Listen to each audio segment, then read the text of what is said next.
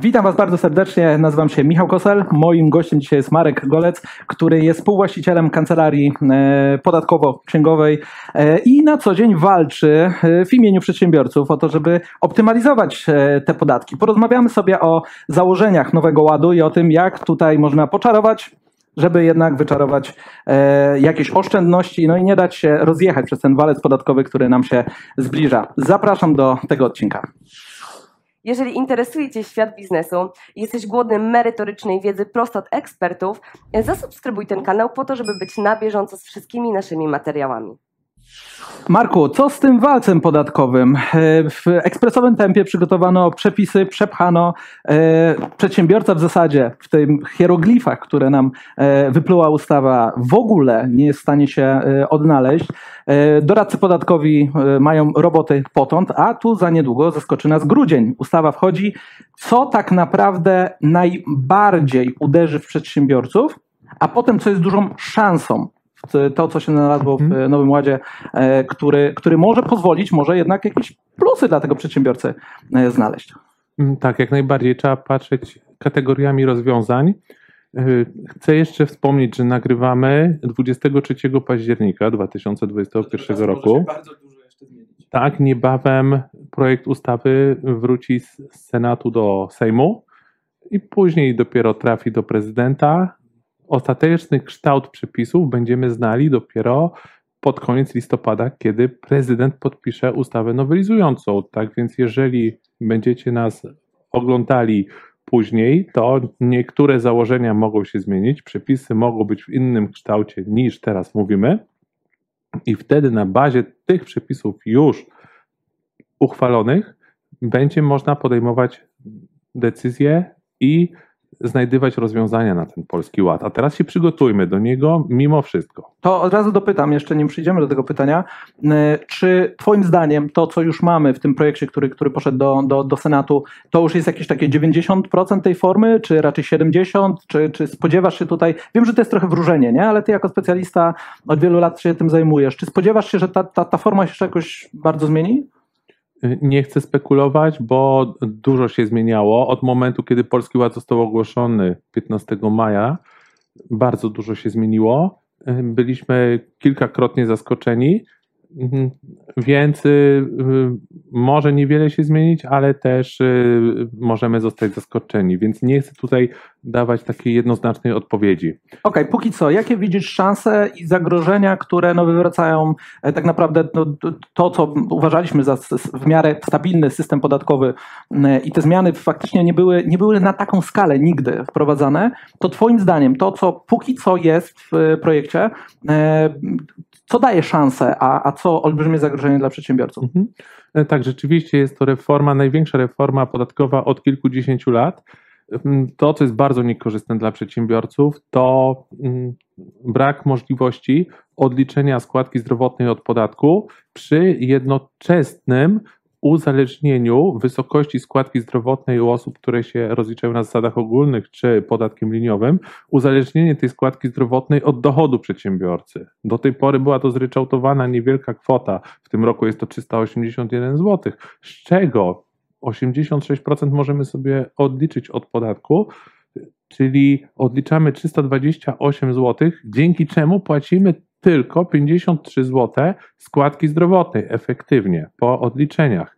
Więc to jest bardzo mocne uderzenie w przedsiębiorców, czyli uwarunkowanie składki zdrowotnej od dochodu przy jednoczesnym braku możliwości jej odliczenia od podatku. W przypadku ryczałtowców, nomen omen, będzie zryczałtowana składka zdrowotna około 300 500, 900 zł w zależności od tego, jakie przychody osiąga przedsiębiorca. Tam są progi 60 tysięcy złotych, 300 tysięcy złotych. Więc w przypadku ryczałtowców będzie zryczałtowana składka zdrowotna, niestety nieodliczalna od podatku. Więc to jest taki dotkliwy, dotkliwy przepis, który uderzy w osoby prowadzące jednoosobowe działalności gospodarcze, spółki cywilne, spółki jawne. Jest ktoś, kto zyska na e, Polskim Ładzie, czy, czy faktycznie tracą przedsiębiorcy wszyscy? Mm, tak, bo tutaj skupiliśmy się na przedsiębiorcach. Mm, osoby mało zarabiające, mm, do których de facto ten projekt, ten program jest kierowany, mają zyskać i one w ujęciu nominalnym zyskają niewielkie kwoty, bo 50, 100, mm, najwięcej zyskają ci, którzy minimalne wynagrodzenie mają otrzymywać, bo zyskają około 150 zł miesięcznie. I to są głównie pracownicy, przedsiębiorcy rozliczający się na skali y, pewnie też zyskają. Natomiast oni pozornie zyskają w mojej ocenie, bo co z tego, że w ujęciu nominalnym one, oni będą mieli o 50-100 zł wyższe kwoty wynagrodzenia netto, jak te osoby w ujęciu no, realnym stracą przez inflację. Przez inflację siła nabywcza ich wynagrodzenia, nawet tego wyższego 50-100 zł, będzie niższa, więc de facto na tym polskim ładzie ci mniej zarabiający w mojej ocenie również stracą. Stracić mają ci, którzy zarabiają dużo na umowach o pracę, stracić mają przedsiębiorcy, którzy rozliczają się podatkiem liniowym, bo oni będą mieli dodatkową składkę. Oni będą mieli składkę zdrowotną, która będzie wynosiła 4,9% ich dochodu y, i będzie nieodliczalna. Y, ryczałtowcy też stracą. Y, pomimo, że w przypadku niektórych ryczałtowców, tutaj mówię o branży IT, i o niektórych wolnych zawodach lekarze, pielęgniarki i architekci e, będą mieli obniżone stawki. Informatycy z 15 do 12%, a e, lekarze, pielęgniarki i architekci bodajże z 17 do 14%, ale i tak ten ryczałt w ostatecznym rozrachunku będzie mniej opłacalny, bo będzie wyższa składka zdrowotna, która nie będzie odliczalna. Okej, okay, to gdzie ta historyczna obniżka podatków w takim razie? Historyczna obniżka podatków. Jakiś e, czas temu obniżono podatki z, e, przynajmniej w pierwszym progu podatkowym z 18 do 17%. E, no właśnie tutaj prawodawca, mm, prawodawca stosuje pewną technikę, bo mówi, że podatków nie podwyższamy. Ale zabiera ale, ulgi na przykład, tak. Albo, albo podwyższa składki ZUS. Tak. A czym jest podatek, czym jest składka ZUS? Jedno i drugie jest tym samym, jest daniną publiczną. Więc to jest e, taka socjotechnika, czy chwyt, chwyt PR-owy. E, mówi się, że podatków nie podwyższamy, nie mówi się, że składek podwyższamy tak głośno, jak, jak się nie mówi, że podatków e, nie podwyższamy, czy je obniżamy, a de facto suma obciążeń publiczno-prawnych znacząco wzrasta. W związku z tym trzeba patrzeć przez pryzmat mm, opodatkowania, oskładkowania, obciążenia, y, całkowitego obciążenia daninami publicznymi, więc to obciążenie zdecydowanie wzrośnie. Okay. Jeżeli chodzi o, teraz mówiliśmy o przedsiębiorcach głównie i o pracownikach, o osobach fizycznych. Za chwilę możemy przejść oczywiście do na przykład spółek ZOO. No właśnie chciałem zapytać, e, idąc, idąc już dalej, jakby czy, czy, czy w tym momencie mamy jakąś formę, która najmniej oberwie e, typu właśnie jakiejś konfiguracji spółka plus ryczałt, czy, czy, czy, czy spółka w jakiejś konfiguracji, e, którą, którą możesz zaproponować, mówiąc, dobra, to będzie dobre rozwiązanie, zostało mało czasu, więc już zacznijcie w to iść. Czy tak jak przez lata wypracowały się metody legalnej optymalizacji i wiedzieliśmy, co robić na spółkach, co robić na komandytówkach, czasem co robić na jednoosobowej działalności, czy teraz też widzisz taki, mm, taką przestrzeń, która oberwie najmniej i warto się za nią rozejrzeć? Mhm. To, to jest spółka ZO. Ze względu na to, że mamy bardzo niski CIT, 9%, co nie oznacza, że my jako udziałowcy zapłacimy 9% podatku, 9% zapłaci spółka, a później trzeba, jak chcemy żyć za te pieniądze, bo też ważne jest pytanie dla osób, które spółki zaprowadzą, co chcą robić z tymi pieniędzmi, które wypracuje spółka, czy chcą za te pieniądze żyć, czy chcą te pieniądze reinwestować, bo jeżeli chcą reinwestować, to spółka to jest świetnym wehikułem, bez na tę chwilę mówienia o estońskim CIT-ie, przy 9% CIT jest świetnym wehikułem do reinwestowania pieniędzy, ze względu na to, że uszczuplamy tylko o 9% dochód i mamy do reinwestowania 91% kapitału. Y, więc y, bardzo jest duża tendencja na prowadzenie spółek ZOO. Jeżeli jest co najmniej dwóch udziałowców, oczywiście nie może być takiego fikcyjnego udziałowca. Jak jest przynajmniej dwóch udziałowców w spółce ZOO, to nie płaci się ZUS-u. I jeżeli nie chcemy wypłacać dywidendy, bo nie musimy, ale chcemy żyć za trochę pieniędzy z tej spółki, no to przecież w legalny sposób możemy pobierać wynagrodzenie członka zarządu, które niestety będzie oskładkowane składką, 9% składką zdrowotną, natomiast próg podatkowy yy, wzrośnie z 85 tysięcy do 120 tysięcy złotych. W związku z tym efektywny podatek przy wypłaceniu 120 tysięcy złotych tytułem wynagrodzenia członka zarządu na podstawie aktu powołania, efektywny podatek wyniesie 21,75%. Też można y, przy tej spółce ZO świadczyć usługi na zasadzie B2B w spółce. Udziałowiec może to robić. Może pobierać odsetki od pożyczki. Może też y, prokurent, bo jeden udziałowiec może być członkiem zarządu, drugi prokurentem. Prokurent jest tak samo y, opodatkowywany, czy bardzo podobnie, nie wchodząc w szczegóły, do członka zarządu. Też jest jeszcze kilka, kilka metod. Oczywiście trzeba uważać na ukrytą dywidendę, czyli trzeba uważać na wynajem składników majątku spółce i trzeba uważać na rynkowość y, tych usług świadczonych na zasadzie B2B. Ta ukryta, te przepisy ukrytej dywidendzie zostały, y, ich wejście zostało przesunięte na tę chwilę do 2023 y, roku. Natomiast oczywiście powinniśmy mieć wiedzę, że coś takiego, o czymś takim się mówi, jak ukryta dywidenda i mieć to z tyłu głowy, nawet jak to wejdzie rok później. Powinniśmy też przygotowywać się długo falowo planować nasz biznes od strony podatkowej. Czy przedsiębiorca ma szansę, Twoim zdaniem, w jakiejś konfiguracji uniknąć tej nieszczęsnej składki zdrowotnej? Mm, poprzez prowadzenie spółki ZOI. Tutaj mamy kilka wariantów.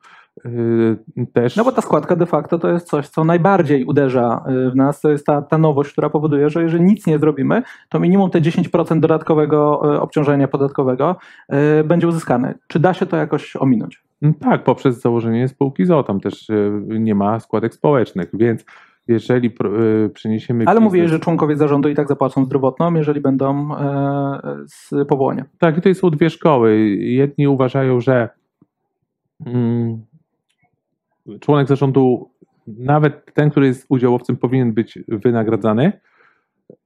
A druga szkoła mówi, że y, w związku z tym, że nie jest, że jest udziałowcem, to nie musi pobierać wynagrodzenia z tytułu pełnienia funkcji członka zarządu. Bezpieczniej jakieś tam wynagrodzenie moim zdaniem pobierać. Natomiast jak najbardziej, yy, ok, w spółce nie ma yy, przy dwóch wspólnikach ZUS-u. Wyobraź sobie, że przychodzę, jestem, jestem klientem i mówię, słuchaj Marku, zrób mi to tak, żebym nie płacił zdrowotnego. Co byś zrobił? No to, to wtedy... Zakładam się... spółkę i co dalej? To, to wtedy, wtedy mm, można sięgnąć do kodeksu spółek handlowych. Tam jest artykuł 176, który mówi, że jeżeli w umowie spółki y, jest postanowione, że mm, będziesz wykonywał jako udziałowiec jakieś czynności na rzecz spółki. Powtarzalne czynności. Tak. tak, to one nie są, y, to one nie podchodzą pod powołanie. Okay. A te czynności, które podchodzą pod powołanie, czyli wynagrodzenie członka zarządu, prokurenta, ono ma być oskładkowane składką zdrowotną, a takie czynności udziałowca to nie będą opodatkowane